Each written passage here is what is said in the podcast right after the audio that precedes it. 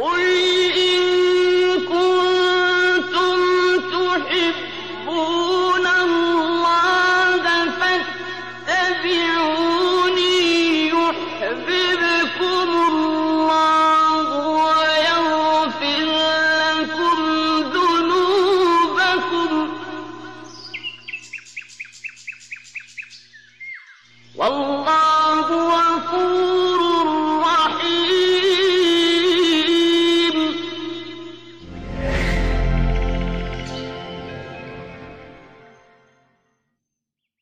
Bismillahirrahmanirrahim.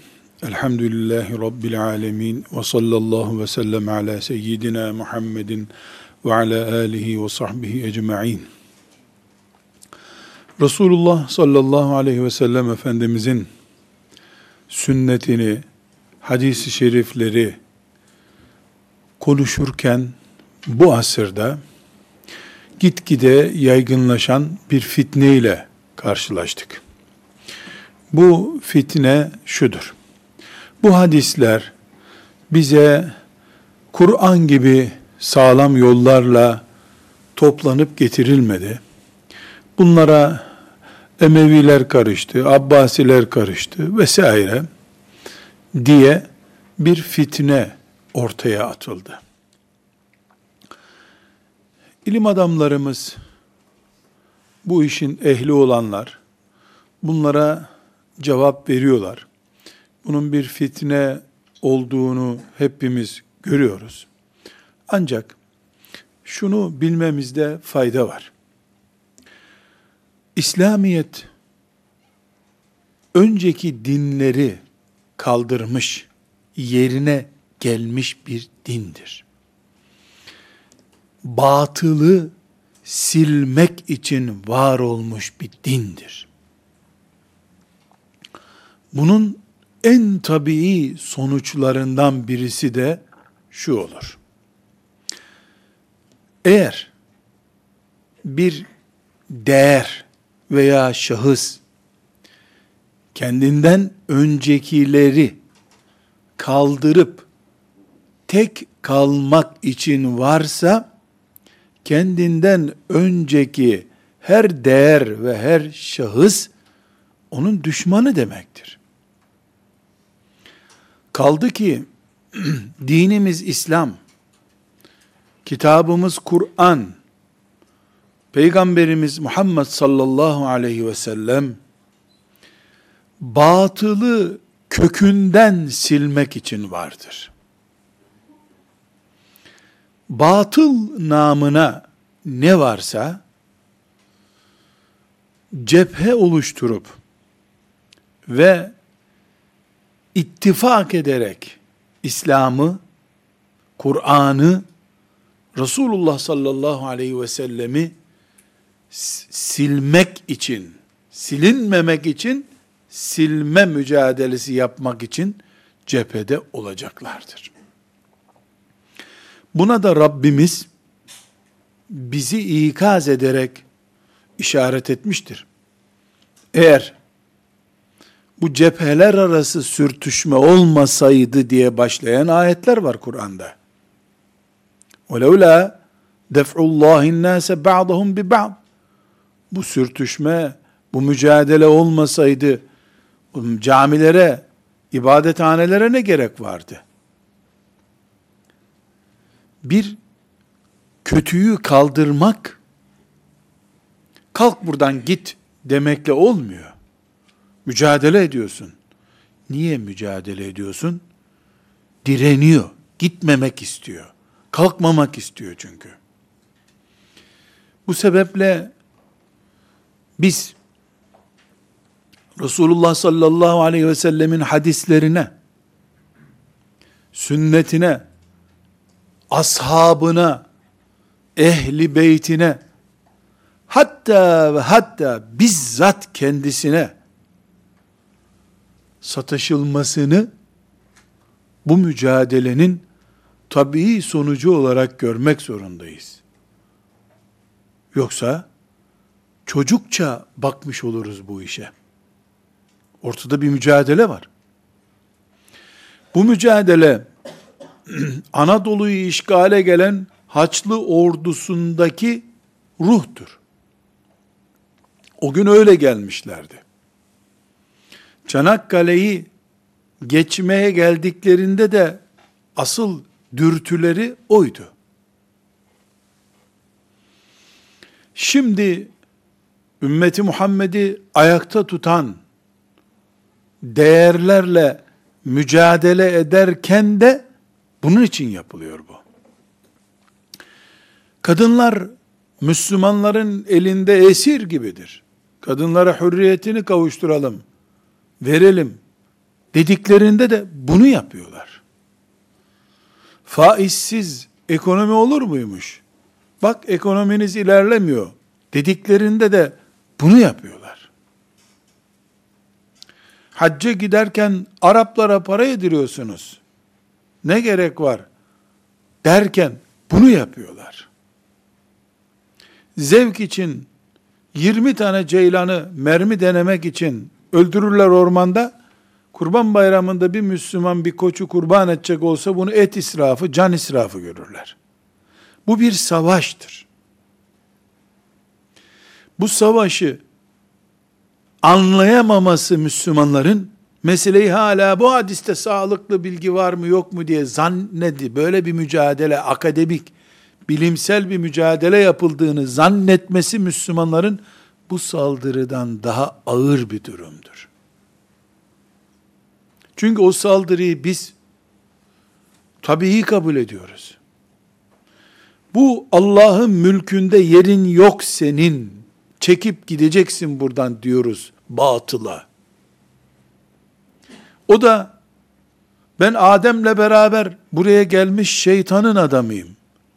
Beraber geldik bizi niye buradan kovuyorsunuz diyor batılın güçleri. Bu sürtüşme وَلَوْ لَا دَفْعُ اللّٰهِ النَّاسَ Olmasaydı olmazdı zaten bir sürtüşmedir. Bunda bir sıkıntı yok. Ama Çanakkale'yi geçmeye çalışırken yedi düvel, Anadolu'dan biri çıkıp deseydi, ya o adamlar gezmeye geliyorlar İstanbul Boğazı'nı görecekler, bırakın gelsinler. Onların da seyahat hakkı var. Deseydi, Anadolu'da birisi, o ne anlama gelirdiyse, o ne kadar sefahet, akıl kıtlığını yansıtıyor idiyse, e, hadislerde şöyle varmış diye, akademik bir çalışma gibi, algılamaya çalışan, bu saldırıyı böyle görmeye çalışan, Müslümanın sözü ve tavrı da budur. Dolayısıyla biz, ortadaki bu büyük mücadelenin, tarihi 10 bin yılı geçmiş bu büyük mücadelenin, elhamdülillah, Allah tarafındaki neferlerindeniz, elhamdülillah. Gariplik yıllarına rastlamış olsak bile, iftihar ediyoruz bu tarafta olmakla, elhamdülillah. Bu birinci boyutu. İki, bugün hadisi şeriflerde sorun var diye yaygara koparanlar yahu madem öyle var biz de ele alalım Bukhari'mizi yeniden inceleyelim diye bizden bir esneklik bulurlarsa yani bana ait mukaddesatı en temelinden tartışmaya açarlarsa bu çorap buradan sökülmeye başlarsa eğer, sadece sen bir tez yazacaksın diye, sadece sen basına çıkacaksın, meşhur olacaksın diye, sadece bir konferans salonunda konuşurken, maşallah ne düşündü ya, adam tefekkür çatlıyor neredeyse, densin diye, sonucu buraya gitsin diye, bu sefaheti yaymaya başlarsan, peki bu hadisi şeriflerde böyle sorun var diyen toplumda ateizm fırtına gibi büyüyor. Deizm diye bir şey büyüyor. Bu hadislerde sorun var dendi. Bakalım var mı dedin. Ateizm diye bir hastalık çıkardılar. Bakalım Allah var mı da mı diyeceğiz.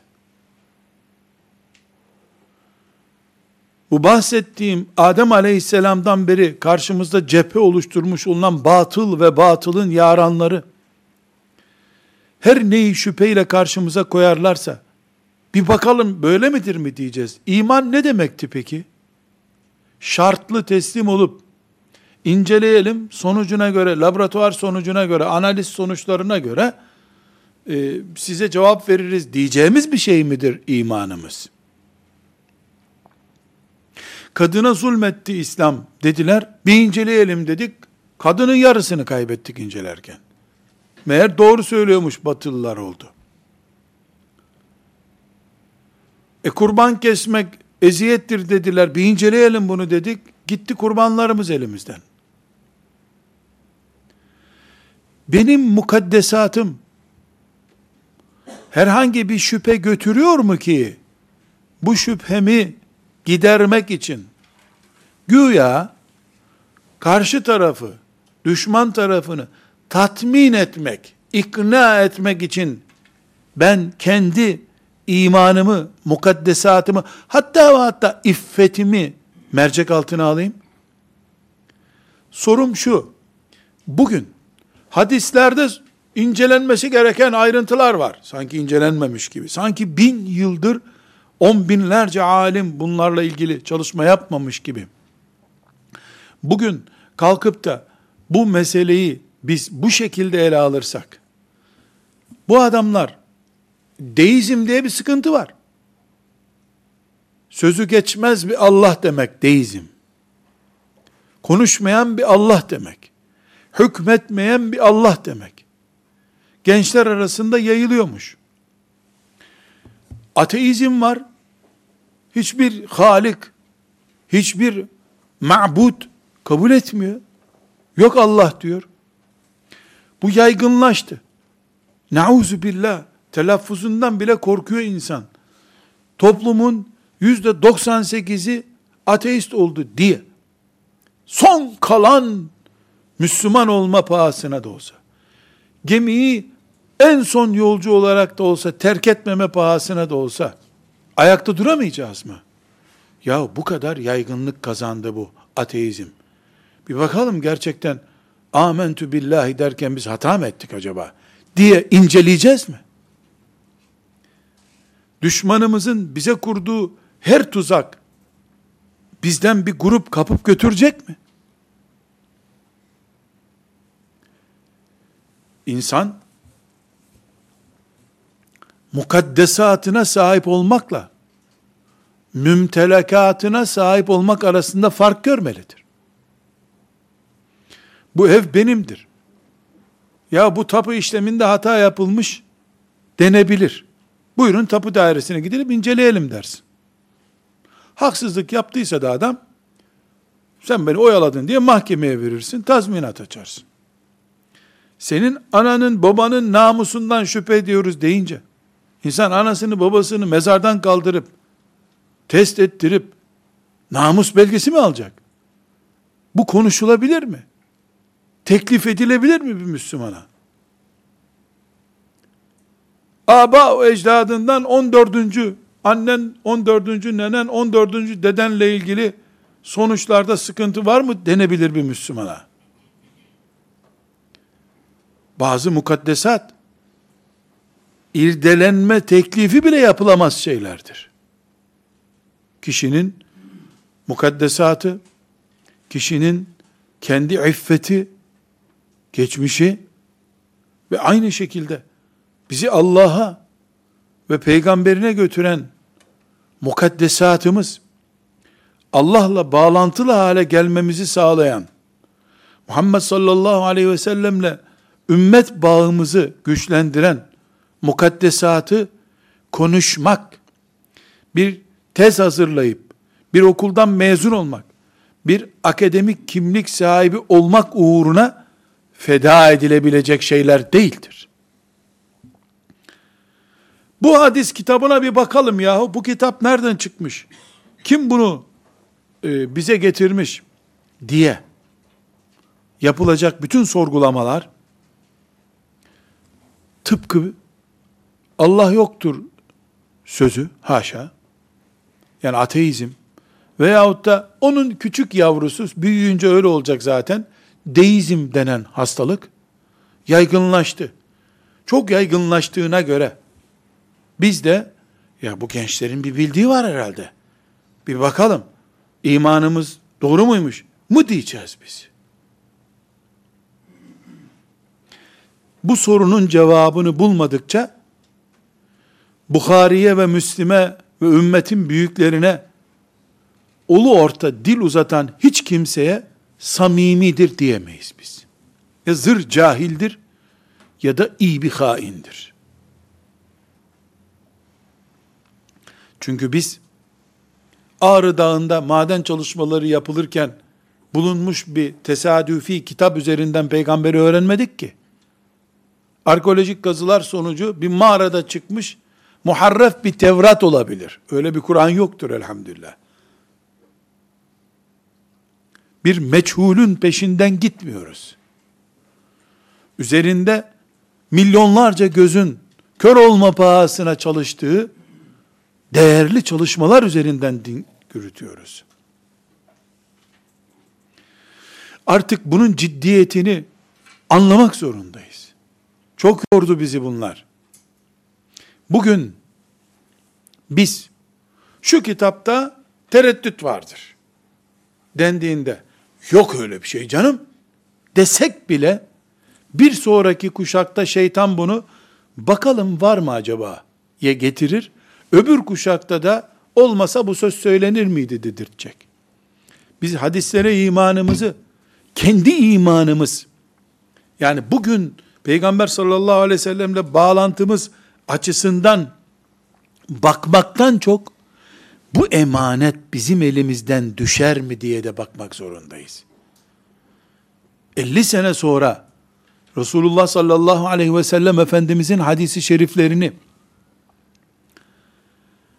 bugünkü ciddiyetle tutuşumuz ayakta tutacaktır. Bugün ya çek git oradan be öyle bir şey olur mu? Diyen anlayış yarın olmaz tabii canım olarak yansıyacaktır. Öbür nesile ise bu adamlar ne konuşmuşlar bir merak edelim tipine dönüşecektir. Her merak eden şeytandan yeteri kadar desteği göreceği için muhakkak kendine göre ayağını kaydıracak çok şey bulacaktır. Muhakkak ve muhakkak bu mukaddesatımız bizi Resulullah sallallahu aleyhi ve sellemle bağlantılı hale getiren bu kaynaklarımız hiçbir tartışmayı kabul etmez ciddiyetle kaynağımız olarak kalmalıdır. Ne diyorsun be? Demek bile sakıncalıdır. Duymamak zorundayız. Bu şüphesiz bu duymamak zorunda oluşumuzun yorumu yani o güçle sarılmalıyız buna biz. Herhangi bir ses duymayacak kalitede bir bağlantı ile biiznillahü teala bu mukaddesatımız elimizde durur. Aksi takdirde bugünkü bir milimlik sapmamız yüz sene sonra bir metrelik bir açı oluşturur. Nauzu billah. O da hepimizin başını Resulullah'ın aleyhissalatu vesselam emanetine zarar vermek belasıyla baş başa getirir. Allahu Teala muhafaza buyursun. Bu sebeple ulemamızın ve özellikle de muhaddislerimizin gayretlerini bir mübarek cihat olarak görüyoruz. Allah onlardan razı olsun. Bir harfe bile zarar vermeden sevgili Peygamber aleyhissalatü vesselam Efendimizin emanetini bize taşımışlardır.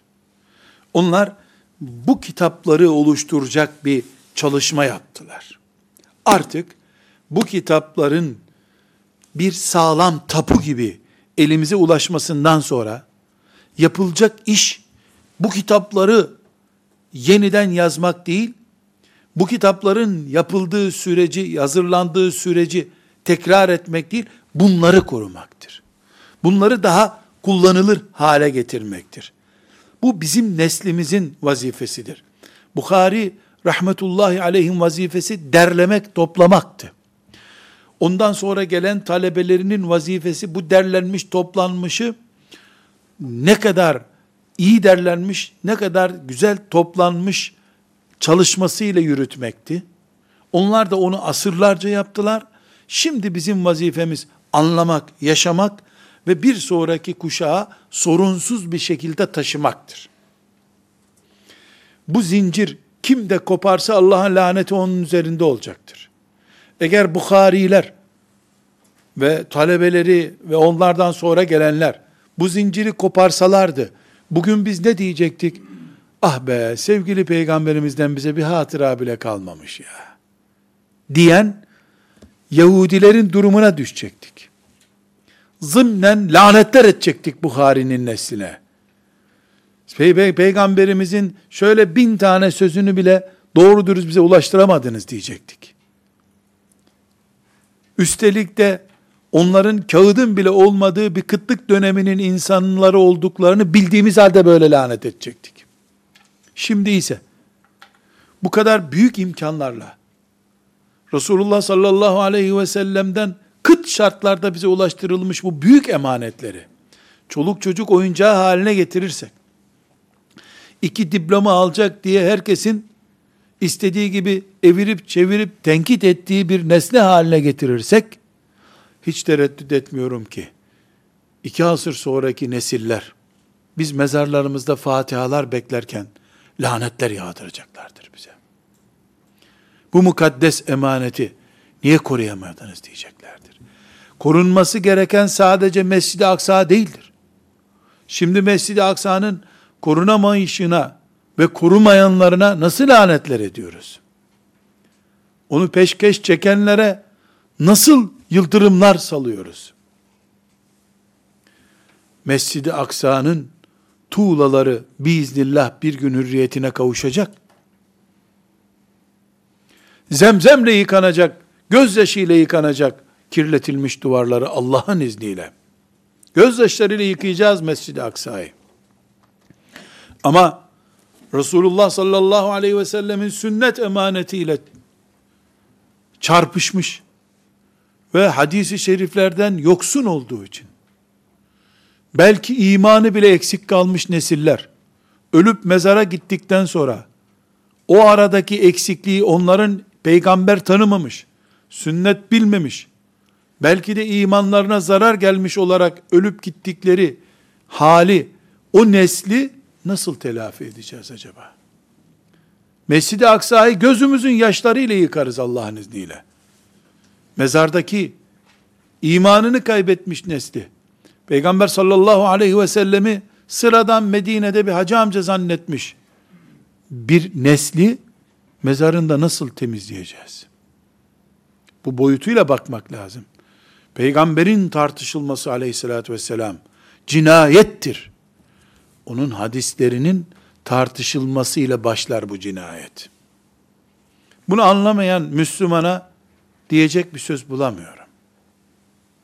Çünkü daha diyecek şeylerim, bundan sonra diyecek şeylerim, diploma uğruna, şöhret uğruna ve kanat kabartma uğruna Resulullah sallallahu aleyhi ve sellemi bile feda etmek.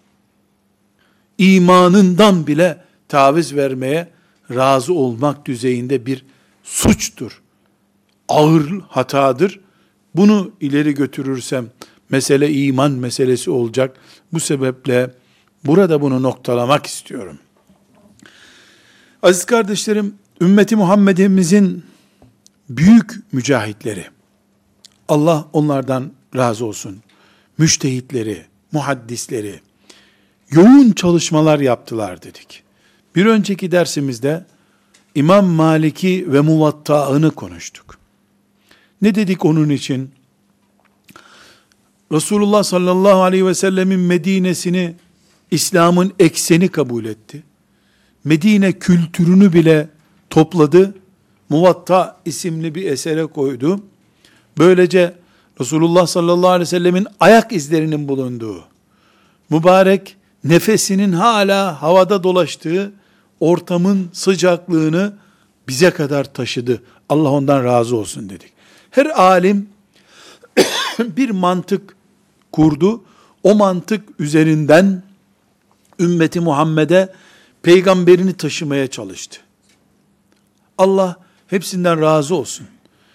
Kurdukları, gayretleri ettikleri çalışmalarının bereketiyle biz İslam taşıyor, tanıyoruz.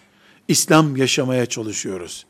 Elbette biz bugün sabah namazının sünnetini kılarken, Resulullah sallallahu aleyhi ve sellemin filanca sünneti varmış diye gayret ederken, bir sevap kazanıyorsak, bu kazandığımız sevap, üç ise, onu biz aldığımız gibi biiznillahü teala, bize bunu din olarak öğreten hocamız da bundan sevap kazanıyor ve bunu kitabına yazan İmam Malik de sevap kazanıyor. İmam Bukhari de sevap kazanıyor. Biraz önce söylediğim gibi onlar teğet geçselerdi. Medine-i Münevvere'de oturup biz Resulullah sallallahu aleyhi ve sellemin kabri şerifinin başında hatimler indireceğiz deselerdi. Bugün İslam'ı nereden bulacaktık biz? Elimizde din nasıl yaşanır diye bir belge mi olacaktı? Allah onlardan razı olsun. Bu zatlardan birisi de Eddarimi denen muhaddistir. İmam Eddarimi özellikle Resulullah sallallahu aleyhi ve sellem Efendimizin Kur'an'la alakalı olan, sünnetle alakalı olan, pratik ilim diyeceğimiz boyutu ile alakalı olan hadisi şeriflerini toplamak için gayret etmiş, yola çıkmış birisidir. İmam Tirmizi ve sonrasının emsallerinden bu. Ed-Darimi, Sünenü't Darimi ya da ilim dünyasındaki adı Sünenü't Darimi. Darimi onun adı. Darimi'nin yazdığı Sünen kitabı demek. Pek mübarek bir kitaptır. Onlarca hadisi şerif, özellikle de Kur'an-ı Kerim'in faziletleriyle ilgili, sünnet ve amelle ilgili, ilimle ilgili pek çok hadisi şerifin ilk kaynağıdır. Mübarek bir kitaptır. Özellikle mukaddime durumundaki durumu bir ilim talebesi olarak tavsiye edebilirim ki ilim yolculuğuna çıkacakların oturup bir hoca efendi nezaretinde okuması gereken bir kitaptır. Özellikle ilk bölümü. İlmi teşvik eden, Kur'an'ı teşvik eden, sünnete sarılmayı teşvik eden bölümü. İbn Mace'nin de mukaddimesi bu açıdan çok güzeldir. Bu Eddarimi'yi bu mantıkla tavsiye ediyoruz. Yani bu tavsiyemiz sadece bu okunmalı manasında değil. Bu bölümü çok değerli. Çok gayret etmiş. Kur'an'a tutan birinin neye tuttuğunu anlatmaya çalışmış.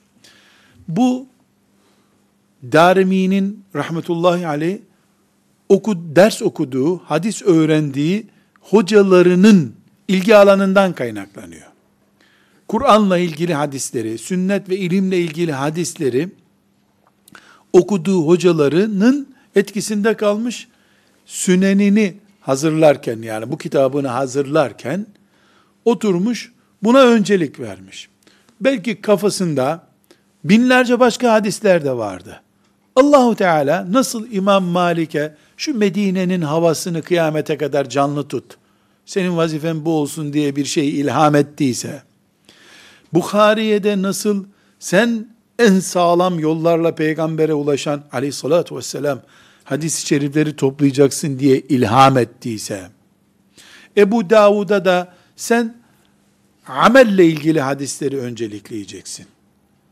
Müslüman nasıl namaz kılar, nasıl oruç tutar, nasıl e, ibadet eder, ticaret nasıl yapar, bu hadislere sen öncelik ver dediyse, bunlar hep Allahu Teala'nın ilhamıyla, o kulunu ona yönlendirdi Allahu Teala. O hadisleri anlatan talebe hocaya gönderdi onu. Ondan etkilendirdi. O da onu topladı. Bunlar hep Allah'ın planında olan şeyler. Kendi kendilerine icat ettikleri şeyler değil. Allah böyle kullandı bu kullarını.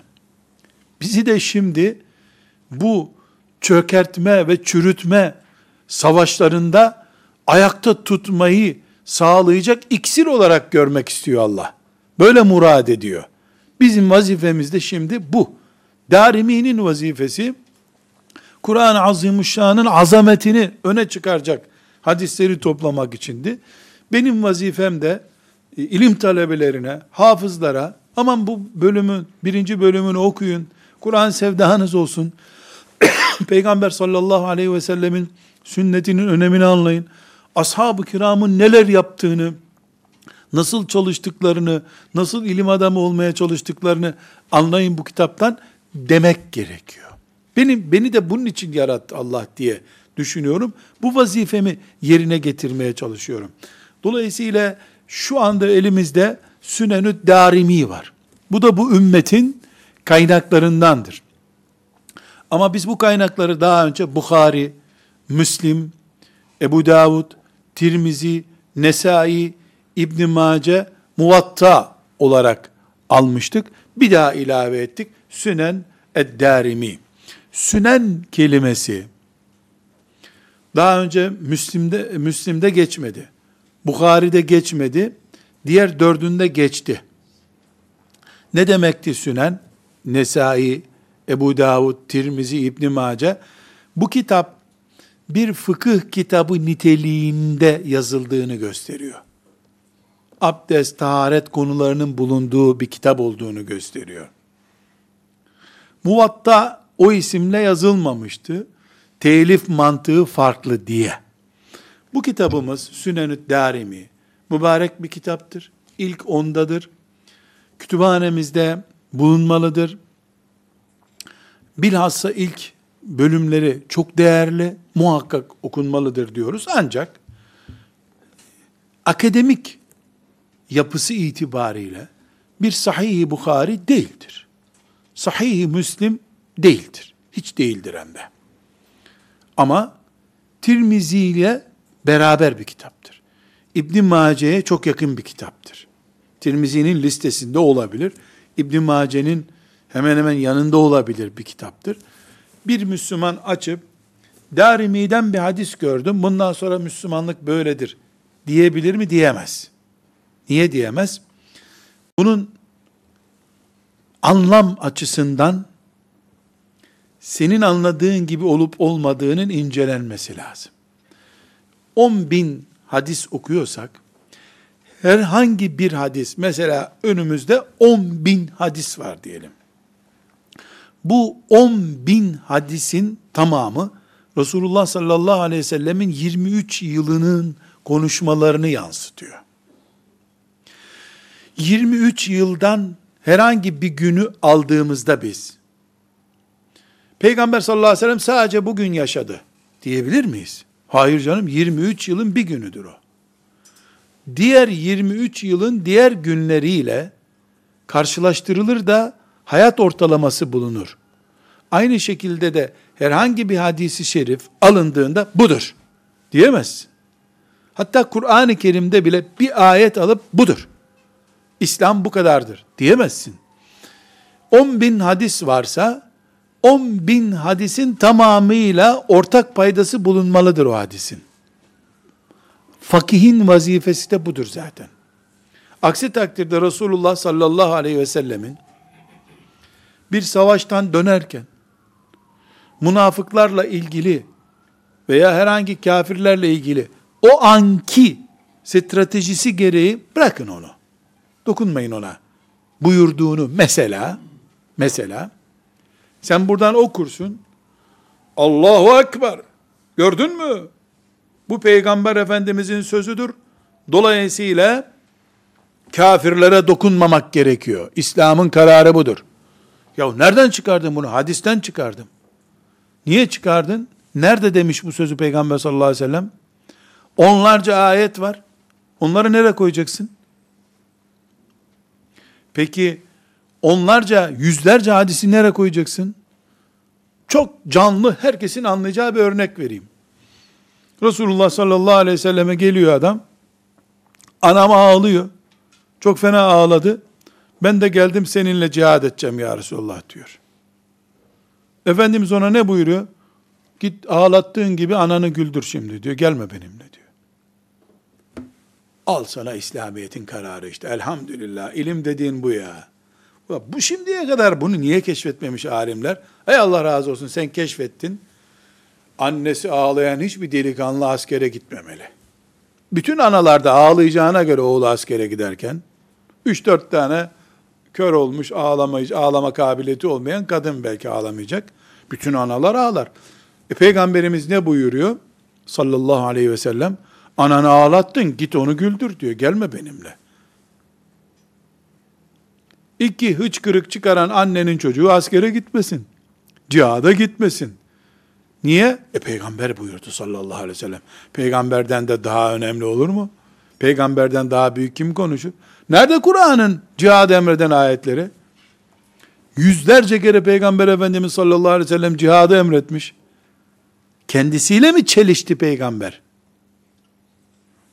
Hayır.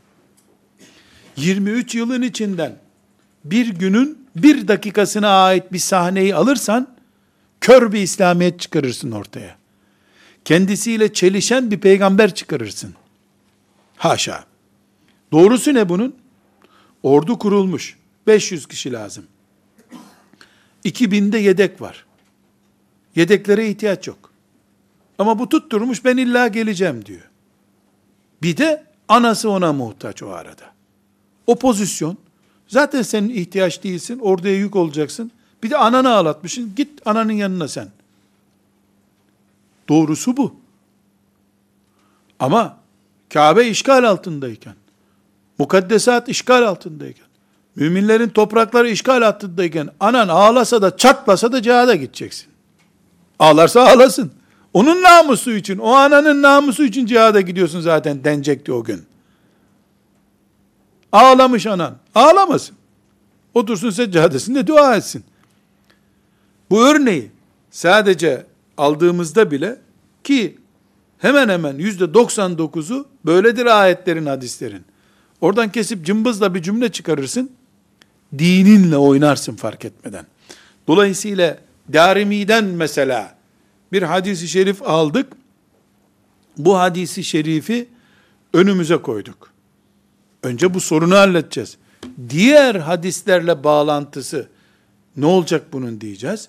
E peki hani Darimi muteber bir kitaptı. Darimi bunu laiklik şartlarında yetişmiş nesil için yazmadı. Peygamber aleyhisselamın hayatını, şeriatın temel umdelerini, cihadın farz-ı ayn veya farz-ı kifaye olabilecek durumlarını bilecek bir nesil için yazdı bunu. Farz-ı ayn nedir? Farz-ı kifaye nedir bilmiyorsan sana darimi ne yapsın? Bukhari ne yapsın sana? Taharet yapmayana namazı kıldırmak gibi bir şey olur o zaman bu. İki, darimi bir Bukhari değil dedik. Bir Müslim değil dedik. Ne peki? Darimi onların alt kademesinde bir kitaptır. Dolayısıyla muhaddislerin Darimi'nin bu hadisinin bu rivayet ettiği hadisinin güvenilirlik oranı hakkında bize bilgi vermesi lazım. Bu yüzde yüz Resulullah sallallahu aleyhi ve sellem kokuyor. Onun sesini yansıtıyor denen hadisler de var içinde. Bu biraz o düzeyde değil denen hadisler de var içinde. Bu yanlış anlaşılmış. Darimi bunu yanlış anlamış. Yanlış ulaştırmış denen hadisler de var. Niye böyle karışık? Bu bir ilim. İlim bu. Bu bin küsür senedir. Yani Darimi'nin vefatının üzerinden bin küsür sene geçmiş. O bin senelik mücadelenin, ilim cihadının gayretleriyle bunlar bu noktaya geliniyor. Bir başka bizi Resulullah sallallahu aleyhi ve selleme götüren ilim dünyasının mücahitlerinden ümmetin zirve isimlerinden biri Ahmet bin Hanbel'dir. Rahmetullahi aleyh. Biz Ahmet bin Hanbel'i dört fıkıh mezhebinin bir tanesinin imamı olarak biliriz. O, o şekilde daha çok meşhurdur. Sık sık da e, Halkul Kur'an meselesiyle ilgili konuştuğumuz zamanlar adı anılmış birisidir. Ama Ahmet bin Hanbeli bu ümmetin uleması arasında, ilim mücahitleri arasında kalıcı yapan şey Müsned isimli kitabıdır. Müsned isimli kitap 25 binden fazla hadis ihtiva eden bir kitaptır. Ama dikkat ediniz, şu ana kadar hadis kitaplarından söz ederken sahih dedik. Bukhari'nin sahihi dedik. Müslim'in sahihi dedik. Sünen dedik. Tirmizi'nin süneni, Ebu Davud'un süneni, İbn Mace'nin süneni, Nesai'nin süneni, Darimi'nin süneni dedik. Sünen diye bir isim kullandık. İmam Malik'in muvatta'ı dedik. Ahmet bin Hanbel'in süneni demiyoruz. Ahmet bin Hanbel'in müsnedi diyoruz. Çünkü müsned hadis kitabıdır. Resulullah sallallahu aleyhi ve sellem Efendimiz de bizi buluşturan köprülerden bir köprüdür. Ama hadislerin derleniş sistemi çok farklıdır. Mesela Darimi için ne demiştik? Resulullah sallallahu aleyhi ve sellem Efendimizin Kur'an-ı Kerim'le ilgili buyurmuş olduğu sözleri toplayan bir mukaddimesi var demiştik. İmam Malik'in muvatta'i için ne demiştik? Medine sevdalı birisi demiştik. Medine toprakları, Medine'nin havası, Medine'nin suyu Resulullah sallallahu aleyhi ve sellem'i emdi. O da onu derleyip kitap yaptı, bize yazdı demiştik. Yani mantık olarak Müsned'in mantığı başka, Darimi'nin başka ve her alimin herhangi bir şekilde yazdığı kitabı başka. Biz burada Resulullah sallallahu aleyhi ve sellem Efendimizin hadisi şeriflerine ulaşıyoruz. Tıpkı Darimi'nin müsnedine ulaştığımız gibi. Müsned Ahmet bin Hanbel'le beraber şöhret bulmuş bir isimdir. Nedir müsned?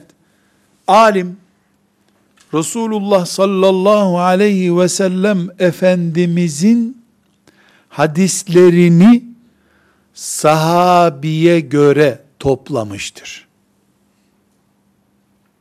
Sahabiye göre dizilmiştir. Bu ne demek oluyor? Peygamber sallallahu aleyhi ve sellem Efendimiz bize konuştu.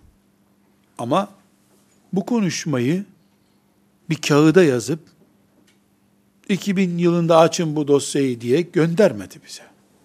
Ne yaptı? Bize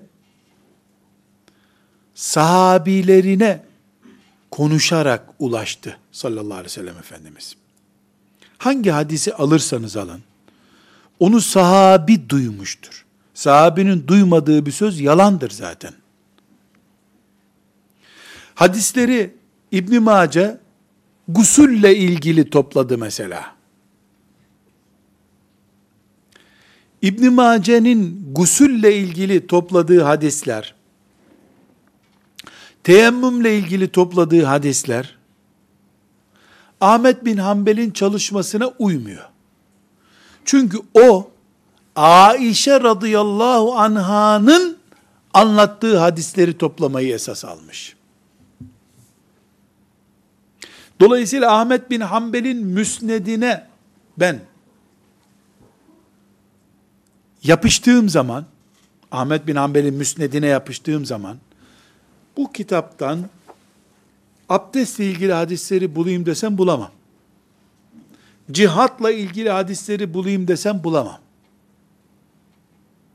Çünkü Ahmet bin Hanbel rahmetullahi aleyh ben hadis yazacağım, hadis kitabı yazacağım dediği zaman bana abdestle ilgili hadisleri toplayacağını söz vermiyor. Ben hadis çalışması yapacağım ama Aişe'nin rivayet ettiği hadisleri toplayacağım demiştir. Enes İbni Malik'in rivayet ettiği hadisleri toplayacağım demiştir. Ben Ömer İbni Hattab radıyallahu anh'ın hadislerini toplayacağım demiştir. Dolayısıyla yüzlerce sahabinin rivayet ettiği hadisleri toplamış çok farklı bir çalışma bu. Bir talebe, mesela Bukhari, hocaların önüne oturmuş, konuları toplamış. Ahmet bin Hanbel hocaların önüne oturmuş, sahabileri toplamış. Ve bu sahabilere de sıralama yapmış. Mesela Ebu Bekir radıyallahu anh'ı bir numara yapmış. Ondan sonraki sıraya müminlerin analarını koymuş. Misal. Ondan sonraki sıraya Bedir sahabilerini koymuş. Ebu Bekir radıyallahu anh'tan 20 hadis toplamış. Kitabı öyle başlatmış. Ebu Bekir'in hadisleri diye. Ondan sonra işte Ömer'in hadisleri. Gelmiş Aişe radıyallahu anh'ın hadisleri demiş. Hafsa'nın hadisleri demiş. Sahabilere göre dosya açmış. Niye böyle yapmış? Allah ondan razı olsun. O da abdestle ilgili 25 bin hadisin içinde abdestle ilgili hadisleri toplayacağımız, güzelce okuyacağımız, işte İbn Mace gibi bir hadis kitabı yazsaydı ya, biraz önce dedik ki, Allahu Teala bu mübarek insanları kullanmış. Kimini sahih hadisi toplamak için kullanmış. Kimini de ashab-ı kiramın isimleri öne çıksın diye Ahmet bin Hanbel gibi müsnet yaptırarak kullanmış. Celle Celaluhu. Hepsini hayırda kullanmış ama. Hepsini hayırda kullanmış. Ahmet bin Hanbel bir iyilik yapmış bize. Nedir o iyiliği? Sen bu hadisleri zaten İbn Mace'de abdest konusunda buluyorsun. Cihat konusunda buluyorsun. Ama ben bir günde merak ettim. Abdullah İbni Amr İbni As isimli sahabi peygamberden neler öğrenmiş? Sallallahu aleyhi ve sellem. Yüzlerce kitapta onun ismiyle geçen yerleri bulma zahmetinden kurtarmış beni. Açıp Ab Abdullah İbni Amr İbni As bölümünü açtın mı onun rivayet ettiği bütün hadisleri buluyorsun.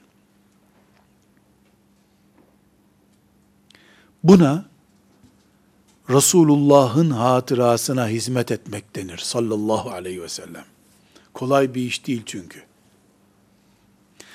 10 bin hadis bildiğini düşünün bir insanın. Bunları abdest vesaire için sıralıyorsun. Zaten hadisin içinden o konuda belli oluyor. Resulullah sallallahu aleyhi ve sellem abdesti şöyle aldı diyor yazıyorsun. Ama sen kalkıyorsun bunu onu sana ulaştıran sahabinin adına göre derliyorsun. Dolayısıyla Ahmet bin Hanbel'de 25 binden fazla hadis var. Bu hadisler konu itibariyle bakıldığında 500 kere tekrar edilmiş olabilir bu kitapta. Neden? Çünkü konuyla ilgilenmiyor. Sana sadece Enes İbni Malik'ten gelen hadisleri topluyor. Şimdi elhamdülillah bilgisayarın da hizmette kullanılmaya başlandığı bir döneme geldik. Ee, Ahmet bin Hanbel'in bu kitabı Müsnet diye yazdığı bu kitabı konusuna göre de dizildi şimdi. Ama Ahmet bin Hanbel dizmedi tabi. Ahmet bin Hanbel'den 1200 sene sonra neredeyse bu yapıldı. Yani ne oldu? Ahmet bin Hanbel, Enes İbni Malik'ten, Aişe'den, Ömer'den, e, Hafsa'dan vesaire diye derlenmiş bu kitabı şimdi alimler konularına göre dizdiler. Daha kolay oldu. Allah Ahmet bin Hanbel'e de rahmet etsin. Müsnedi yazdığı için. Fakat içime bir duygu geliyor. Bizim müsnedi tanıtmaya bile hakkımız olmaz. Onların emekleriyle karşılaştırılacak olsak. Ömrünün bir bölümü zindanda geçmiş birisi bu. Ama ihlasları bereket getirmiş onlara ve yazmışlar. Müsnet farklılığı sadece Ahmet bin Hanbel'e ait değil. Bu ismi başka alimler de kullandılar. Mesela biraz önce konuştuğumuz e, Darimi'nin kitabı da müsnet olarak da bilinir aynı zamanda ama muhaddisler arasında sünen diye bilinir. Müsnet de yapmıyor. Mantığında müsnetlik var. Yani sahabeyi planlayarak yapmış kitabını. Allah hepsinden razı olsun. Hepsine rahmetler eylesin. Biz şu anda sözümün başına tekrar dönüyorum. Bu büyük mukaddes emaneti korumak için bulunuyoruz. Müsnet yapmaya ihtiyaç yok artık. Sünen yapmaya da ihtiyaç yok. Sahih yazmaya da ihtiyaç yok. Var çünkü elhamdülillah. Koruyacak adam yok sadece. Koruyacak adam bekleniyor.